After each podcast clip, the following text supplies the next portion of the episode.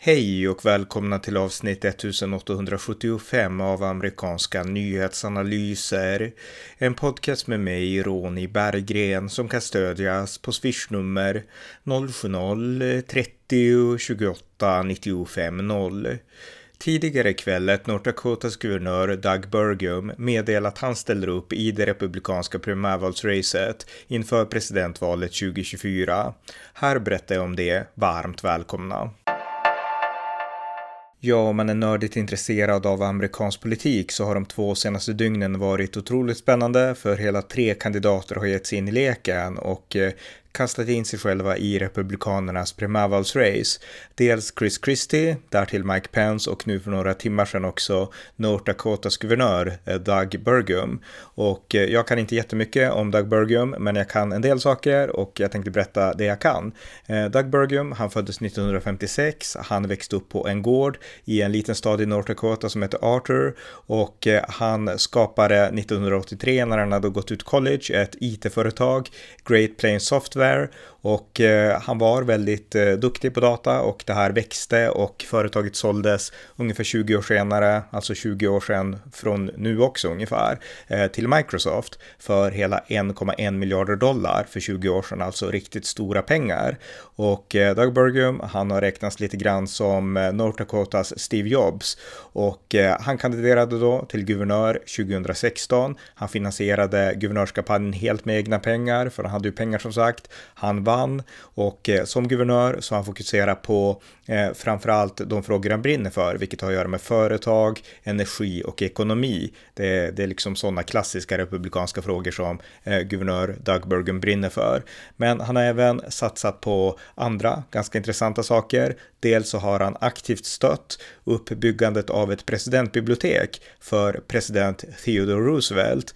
Theodore Roosevelt föddes i New York, men han bodde i North Dakota i väldigt många omgångar, så att han är i mångt och mycket eh, North Dakotas stora historiska hjälte, Theodore Roosevelt, Teddy Roosevelt. Och han har ingen presidentbibliotek, men det planeras att bygga ett i North Dakota och Doug Burgum har varit en av de mest entusiastiska och eh, stora supportrarna som också försöker få skattepengar för att bygga det här presidentbiblioteket. Så att han ska ha stort cred för det, Doug Burgum, att han är en fan av Theodore Roosevelt, det är jag också. Och Eh, Eh, ja, eh, så att eh, det är han lite kort. Han är alltså ingen kulturkrigare, men likväl så har han ändå drivit eh, hyfsat konservativ politik i North Dakota. Han har undertecknat, det gjorde han nu i april, nästan ett totalt abortförbud eh, med några undantag de första sexta veckorna av, av liksom havandeskapet. Han har också infört begränsningar av transgenders möjligheter i sport och liknande och han har Eh, förbjudit, eh, kriminaliserat eh, könsbekräftelse för barn under 18 år. Så att eh, hyfsat hårt där också. Eh, han har också infört ett förbud mot eh, critical race theory i skolorna i North Dakota. Så att han är väl ändå hyfsat konservativ, även om det inte är de frågorna han brinner för, utan han brinner för ekonomi och energi och sådana klassiska republikanska eh, ja, syn på business ungefär. Eh, och som sagt, han har pengar och det gör också att han kan eh, spela lite som han vill i det här primärvalsracet och eh, hans strategi verkar vara att eh, framställa sig själv som en, alltså en, en klassisk business-republikan, alltså som republikanerna i viss mån var innan Trump, men kanske ännu mer var innan Reagan. Så att eh, lite det som han kommer att trycka på då, Doug Burgum. Och eh, han stödde Trump i både presidentvalet 2016 och presidentvalet 2020 ska sägas, men han själv vill inte vara den som fokuserar på kulturkrig kriget, utan det får Donald Trump och Ron DeSantis göra. Och eh, det ska sägas också att han har bara i den opinionsundersökning som är gjord eh, 1% stöd. Det är ingenting i praktiken och eh, Eh, ja, även om man kastar in hur mycket pengar som helst. Så vi kan se vad som hände i Demokraternas primärval 2019-2020. De hade en av USAs rikaste personer i sitt primärval, Michael Bloomberg. Han spenderade, brände hur mycket som helst av sina egna pengar, men det hjälpte inte. Joe Biden vann i alla fall och han kom ganska långt ner, Michael Bloomberg. Så att det finns en myt här i Sverige inte minst av att eh, ja, med pengar kan man köpa allt i USA och alla de här presidentvalen handlar om pengar.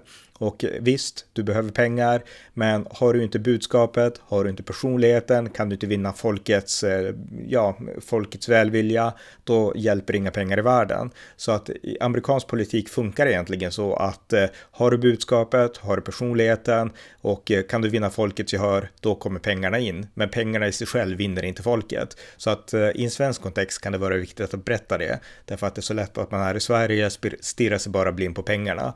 Men pengarna är sekundärt. Det visade Michael Bloomberg 2019-2020 och eh, min gissning är, jag vill inte vara elak med Doug Burgum, men min gissning är att eh, ja, han kommer att visa samma sak, att pengarna kommer inte att leda honom hela vägen här och han kommer inte att besegra Donald Trump, men det kan väl förmodligen sägas av, eh, ja, om många av de här kandidaterna. Men Doug, Doug Burgum, Burgum kommer inte att kunna räddas av sina pengar. Däremot kommer han kanske att hålla sig kvar i leken hyfsat länge. Så att det var lite om hans bakgrund, Doug Burgum, eh, guvernören i North Dakota som nu har gett sig in i leken. Och han höll ju tal då idag i sin hemstat eh, där han då pålyste sin presidentkandidatur. Och vi kan avsluta med att spela några klipp från det talet. I grew up in Arthur, tiny town of 300 people. Yeah! Our, our parents were a gift. They taught us not just by their words, but by their actions. Dad, World War II Navy veteran, taught us the importance of service to country and the community. Mom, she taught us the importance of caring deeply, listening thoughtfully, respecting everyone. But it was a cold Saturday night in January, and we were ready to head out to play neighboring town Kindred uh, when they pulled me off the bus to tell me that our dad was dying. I was a freshman in high school. That was tough. But North Dakota was the kind of place where your neighbors rally around you. And so, in a way, our whole town was about taking care of each other, about helping those in need, about neighbor helping neighbor. Every small town in America is like that, but Arthur especially. If somebody was in need, a neighbor was always there to help out. We see that across the entire state of North Dakota today. If a farmer has a serious health issue, all the neighbors rally to get the crops planted or harvested. Small town values are at the core of America.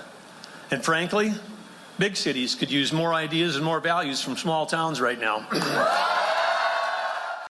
but I believe then, and I still believe now, and I believe it deeply, that unlimited opportunity exists everywhere in America. I literally bet the farm to help turn a small startup into a billion dollar company in North Dakota. People thought I was crazy. A software company in North Dakota? Well, we ignored those who said North Dakota was too small, too cold, and too distant to build a world class software company. We did it anyway. We built Great Plains Software into a company that served 140,000 businesses in 132 countries. When you start a software company here, you need to be willing to go against the grain and reimagine what's possible. And that's exactly what we did when we ran for governor in 2016. We shook things up a bit. We cut $1.7 billion in spending our first year in office. We cut red tape and streamlined services. Working with other statewide electeds and the legislature, we balanced the budget every year. We bolstered cybersecurity. We brought life back to our main streets. We made record investments in education, strengthened tribal relations, built infrastructure, unleashed energy production, and diversified the economy. North Dakota is both growing and getting younger, one of the only states that's doing that. And we have the third lowest unemployment in the country and the highest workforce participation in the nation.